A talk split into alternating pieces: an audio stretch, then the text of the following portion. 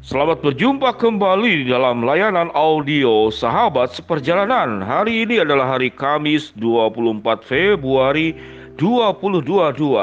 Tema renungan dan saat teduh kita dengan judul Godaan di masa sulit. Godaan di masa sulit. Firman Tuhan terambil dalam Matius 4 ayat 1 dan kedua. Maka Yesus dibawa oleh roh ke padang gurun untuk dicobai iblis dan setelah berpuasa 40 hari 40 malam, akhirnya laparlah Yesus. Mari kita berdoa. Bapa yang di dalam sorga di tengah situasi sulit, di tengah situasi tekanan, di tengah situasi tiada seakan-akan tiada harapan, maka iblis masuk dalam kehidupan kami, menawarkan godaan-godaan agar kami jauh dari Tuhan. Dalam nama Tuhan Yesus kami berdoa. Amin. Shalom sahabat seperjalanan yang dikasih Tuhan godaan di masa sulit. Kita lihat di dalam Matius 4, 1 dan 2 kesulitan yang dihadapi Yesus ada dua. Yang pertama, Yesus dibawa ke padang gurun. Yang kedua, Yesus mengalami kelaparan setelah berpuasa 40 hari. Sahabat seperjalanan yang dikasih Tuhan, orang bisa bermata gelap tatkala hidup dalam kegersangan Orang itu bisa melakukan apa pun kalau dalam kondisi lapar dia membutuhkan makanan.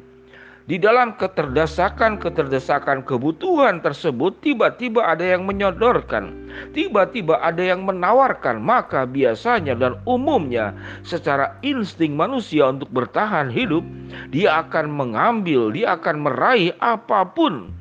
Saat kita haus, tiba-tiba ada yang menyodorkan air minum, siapa yang menolak? Saat kita butuh uang, tiba-tiba ada yang memberikan tanpa kemudian ada syarat apa pun. Siapa yang tidak akan menerimanya? Tatkala kita sendiri, tiba-tiba ada yang mau mendekati kita menjadi sahabat buat kita. Siapa yang tidak yang akan menolaknya? Sahabat seperjalanan di atas segala sesuatu kegersangan hidup kita.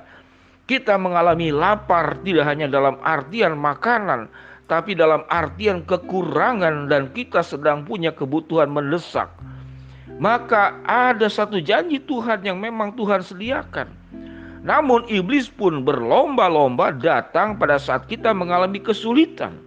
Iblis pun ada dekat dengan kita pada saat kita mengalami kegersangan hidup di padang gurun. Iblis pun ada dekat dengan kita tatkala kita mengalami kekurangan tidak hanya masalah lapar, tapi masalah kebutuhan-kebutuhan lainnya.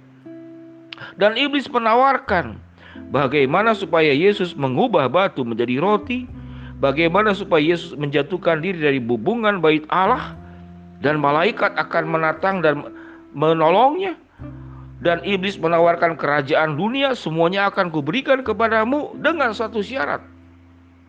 Asal engkau menyembahku, itu kata iblis dan itu kata setan. Sahabat seperjalanan, godaan terbesar daripada iblis adalah agar fokus kita beralih daripada fokus kebenaran firman Tuhan, fokus kepada Tuhan, kesetiaan dan iman kita kepada Tuhan.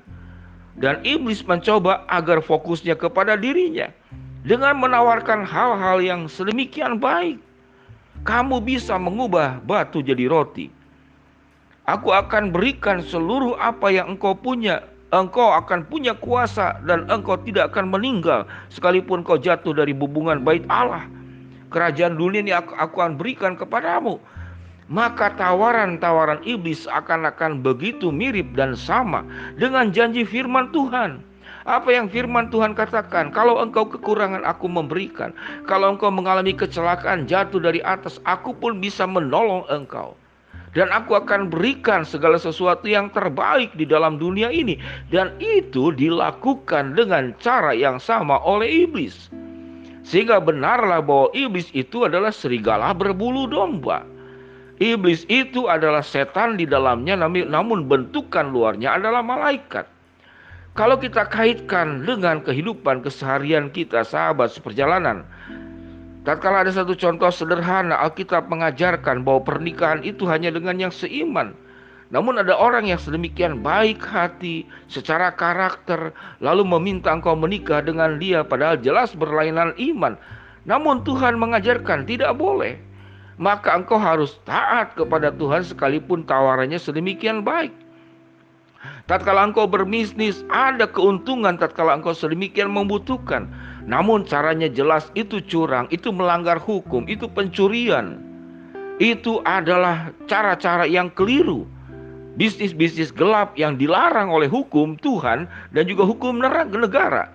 Maka iblis berkata, "Tidak apa-apa itu engkau sedang membutuhkan siapa yang akan peduli kepadamu kalau bukan aku itu kata setan dan kita bisa tergoda sahabat seperjalanan yang dikasih Tuhan pada saat engkau mengalami masalah rumah tangga sedemikian berat dengan pasanganmu dan pasanganmu sedemikian buruk berlaku buruk kepada engkau maka datanglah pribadi lain yang datang kepada engkau. Aku akan memberikan kasih sayang, aku akan memberikan kehangatan, aku akan menolong kesepianmu. Apa yang terjadi? Sama juga dengan anak-anak sekolah, anak-anak yang baru lulus sekolah, yang mau sedang mau terjun mencari uang, mencari pekerjaan. Ada banyak tawaran-tawaran flexing disebutnya itu yang berbentuk seakan-akan trading, seakan-akan saham, namun sebetulnya itu perjudian. Tidak ada produk yang terjadi di sana, barang yang diproduksi tidak ada.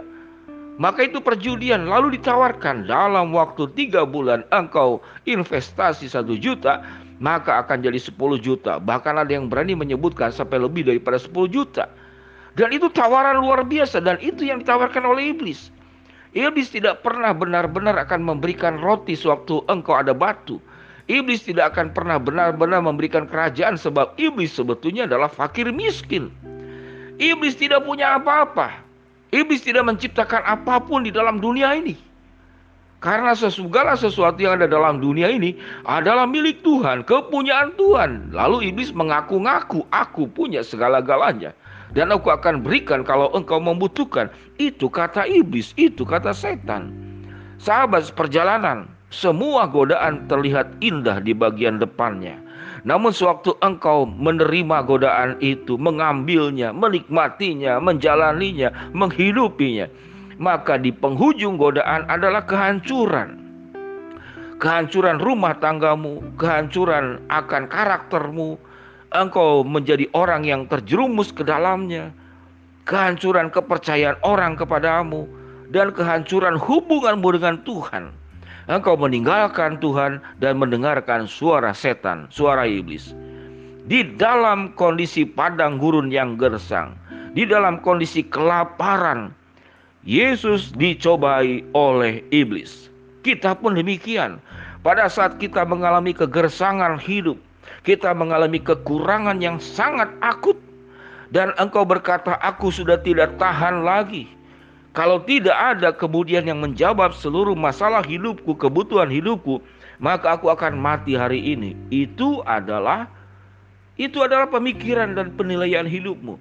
Sehingga sewaktu tawaran godaan itu datang di hadapanmu, engkau menjadi seperti hiu yang lapar. Apa pun yang ada akan disantap, ditelan, dan kemudian diraihnya. Sahabat perjalanan kita tahu, di akhir godaan iblis adalah kehancuran. Oleh sebab itu, apa pun seindahnya, semenarik apa pun, semempesona apa pun, katakan di dalam Tuhan aku tidak pernah akan dengar suara iblis. Oleh sebab itu, godaan di masa sulit, berfokuslah kepada Tuhan. Percayalah Tuhan tidak akan meninggalkanmu. Dia akan bertindak menolong engkau tepat pada waktunya, tepat dengan caranya. Sewaktu engkau tetap harus menghadapi kesulitan, bersabarlah, tetap kuat, tetap setia, Tuhan akan beserta dengan engkau di dalam segala situasi. Mari kita berdoa. Bapa di dalam surga hambamu berdoa buat sahabat perjalanan yang sakit Tuhan jamah sembuhkan. Sahabat perjalanan yang sedang menghadapi masalah Tuhan bukakan jalan Yang sedang kekurangan yang sedang ada di padang gurun Kekeringan. Tuhan akan cukupkan dengan caramu yang ajaib. Dalam nama Tuhan Yesus kami berdoa. Amin Shalom sahabat seperjalanan, Tuhan memberkati kita semua. Amin.